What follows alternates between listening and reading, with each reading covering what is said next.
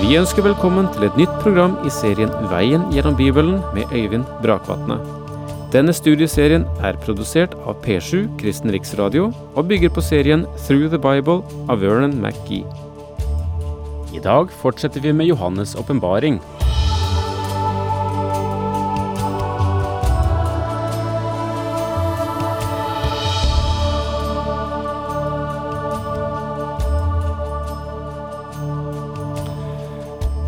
Sist vi var samlet, eh, brukte vi tiden til eh, å gå gjennom mellomspillet i eh, åpenbaringsboken 16. kapittel, mellom eh, vredeskål nummer seks og den siste vredeskål.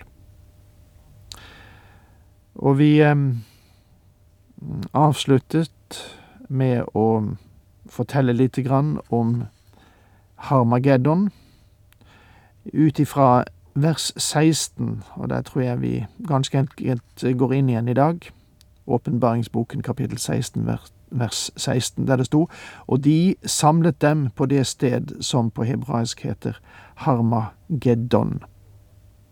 Og nå vet du at det består av to hebraiske ord. Det ene som heter Har, som betyr fjell, og Megiddo, eller Mageddon, som er en høyde på Estralonsletten. Det er en velkjent kampplass gjennom historien, et møtested mellom øst og vest, og eh, det har vært mange stridens tumulter som har foregått der. Og her vil stå ennå et slag, og det er det som altså omtales i dette verset og de samlet dem på det sted som på hebraisk heter Harmageddon. Det står de samlet dem, disse de, ja, det er Satan, Antikrist og den falske profet, som handler i full enighet for å tvinge verdens nasjoner til å marsjere mot Israel, men gjennom det fullbyrder de også Guds ord. Og så kommer vi fra dette mellomspillet nå til den siste av vredeskålene. Den sjuende engelen tømte sin skål ut i luften. Da lød det fra tronen i tempelet en veldig røst som sa, Det er skjedd, og det kom lyn og drønn og tordenbrak og et jordskjelv som det ikke har vært maken til så lenge det har levd mennesker på jorden. Så kraftig var det. Den sjuende engelen tømte sin skål ut i luften. Dette er den siste serie av syv dommer før Kristi komme. Og dette er syvende og siste av de siste syv enheter. Med andre ord er vi nå helt ved slutten av trengselstiden. På dette punkt har den eneste som kunne fri dette folk, reist et rettferdig kongerike på jorden og bringe fred til verden, og det er den Herre Jesus Kristus. La oss feste våre øyne på Kristus gjennom dette. Han er nå dommeren. I luften betyr i rommet, uten noen geografisk betegnelse. Den Herre Jesus Kristus kontrollerer rommet, og gjennom rom og tid kommer han til jorden. Tempelet er blitt nevnt igjen og igjen og igjen. Det har vært nevnt sammen med vredeskålene, basunene og seilene. Faktisk har det vært nevnt i samtlige serier av domshendelser. Men tempelet er blitt nevnt seks ganger sammen med vredeskålene. Mer enn under de andre domstider til sammen. Og dette er siste henvisning til det. Det er ikke noe tempel i det nye Jerusalem, så dette kan ikke være henvisning til menigheten. Og enten vi liker det eller ikke, vil Israel gå gjennom den store trengsel. Vi vet at en rest, alle de 144 000, vil komme gjennom denne tid, det vil si at eh, de må være tro inntil døden. Og jeg vet ikke hvor mange flere det kommer til å være. Vi vet at en stor gruppe av hedningefolk blir beseglet, og at de kommer gjennom trengselstiden, de også. La meg gjenta at så langt jeg ser det, er menigheten ikke en del av denne scenen. Menigheten går ikke gjennom Jakobs trengsler. Gud har to måter å frelse mennesker på i den store trengsel. Først ved å ta dem ut av verden, på samme måte som han hentet Enok før syndfloden kom.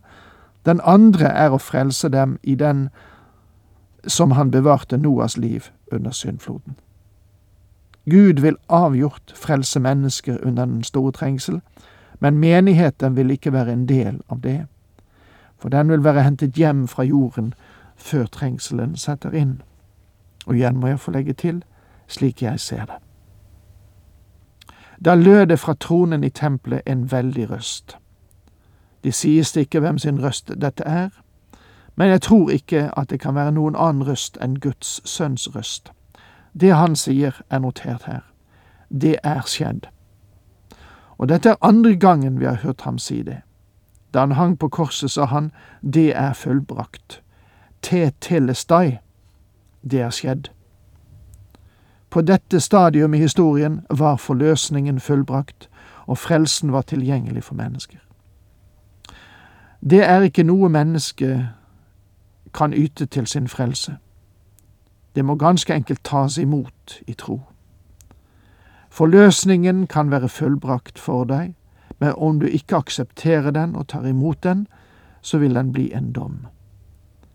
For dem som har vraket Guds frelse, finnes det ikke noe de kan gjøre for å unnfly Guds dom. Det er skjedd. Ikke rart at hebreerbrevets forfatter skrev Hvordan skal da vi unnslippe, dersom vi ikke bryr oss om den frelse som er så mye større? Den ble først forkynt av Herren, og siden stadfestet for oss av dem som hadde hørt ham, som det står i Hebreerne 2 vers 3. Kristus er dommeren, og dommen ved den store trengsel er nå fullbyrdet. Det er skjedd, sies det her, og det ligger ikke noe mer foran utenom dommen ved den store hvite trone. Lyn, stemmer og torden var den sterke proklamasjonen ved begynnelsen av trengselsperioden om at dommen nærmet seg. Fra tronen gikk det ut lyn og drønn og torden brak, og foran dem flammet sju fakler. Det er Guds sju ånder. Og et jordskjelv som det ikke har vært maken til så lenge det har levd mennesker på jorden. Guds ord gjør det helt klart at her ved slutten av trengselstiden vil det bli et jordskjelv som vil omkalfatre hele verden. Den store byen ble kløvd i tre deler, og folkenes byer raste sammen. Gud husket på den store Babylon, så det fikk overrakt begeret med hans harmes og vredes vin. Hver øy vek bort, og fjellene forsvant, og fra himmelen falt svær hagl på hundrede pund over menneskene. Men de spottet Gud for den plage som haglet var, for plagen var fryktelig. Dette danner avslutningen på den store trengsel. Det er et mektig jordskjelv, og det splitter den store by, som er Jerusalem. Jordskjelvet deler denne byen i tre deler.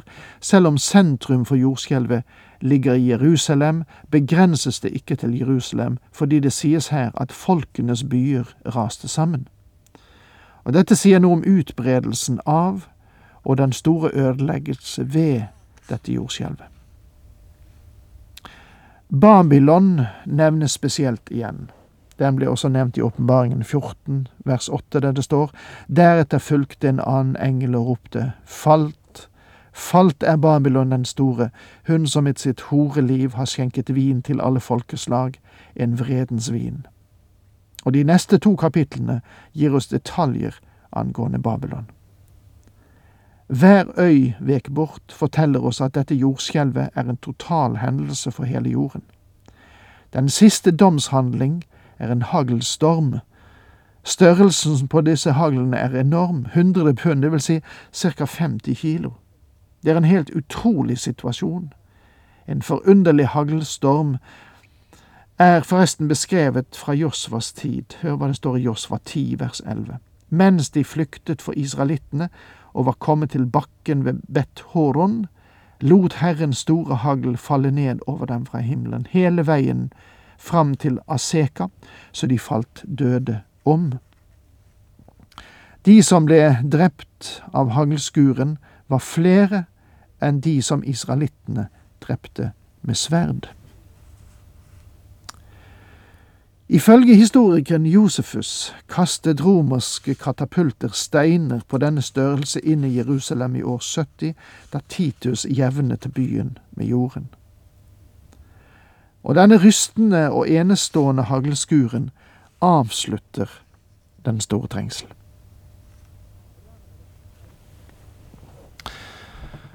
Og dermed er det 16. kapittel i åpenbaringsboken avsluttet hva angår min gjennomgåelse av det. Og vi er klar til å gå løs på kapittel 17. I kapitlene 17 og 18 ser vi dommen over de to Babylon. Først møter vi den frafalne kirke under trengselstiden i kapittel 17, men vi møter ikke bare det religiøse Babylon, men også det kommersielle Babylon i kapittel 18. Det er så mange krisesituasjoner som opptrer under den store trengsel, at det er vanskelig å holde dem fra hverandre, og mange dyktige og gudfryktige bibelfortolkere kan være uenige om mange detaljer. Noe har jeg forsøkt å gjøre oppmerksom på etter hvert som jeg har gått gjennom åpenbaringsboken. Og selv om vi kan være enige når det gjelder selve systemet for fortolkningen, kan det være uenigheter når det gjelder detaljer. Men jeg har også sagt at fortolkere kan være uenige når det dreier seg om hovedlinjer i åpenbaringsboken også. Dette synes jeg ikke bør bekymre oss for mye som troende, og det finnes en rekke detaljer, i alle fall kan de virke som detaljer i dette mektige dramaet, som først vil bli oppklart når verden går inn i den store trengsel og faktisk skal møte klimaks i hver av disse krisesituasjonene. Dette er spesielt følbart angående de to Babylon i kapittel 17 og 18. Spørsmålet er, er det to Babylon, og befinner de seg på to forskjellige geografiske steder? Er de representative for to systemer, er det to byer, bokstavelig talt, eller er det den samme? Svarene på disse spørsmålene vil være mer åpenbare når vår forløsning er nær. Sett med mine øyne virker det som vi her har med to adskilte Babylon å gjøre. Her i kapittel 17 er det mysterienes Babylon. Den kosmiske kirke, den frafalne kirke, det dreier seg om. Menigheten i Tyatira, som er beskrevet i Åpenbaringen 2, vers 18-29, som tillot Jesabel å råde, vil være frafallets kirke under den store trengsel. Og der må vi, der må vi faktisk si eh, takk for i dag. Herren med deg.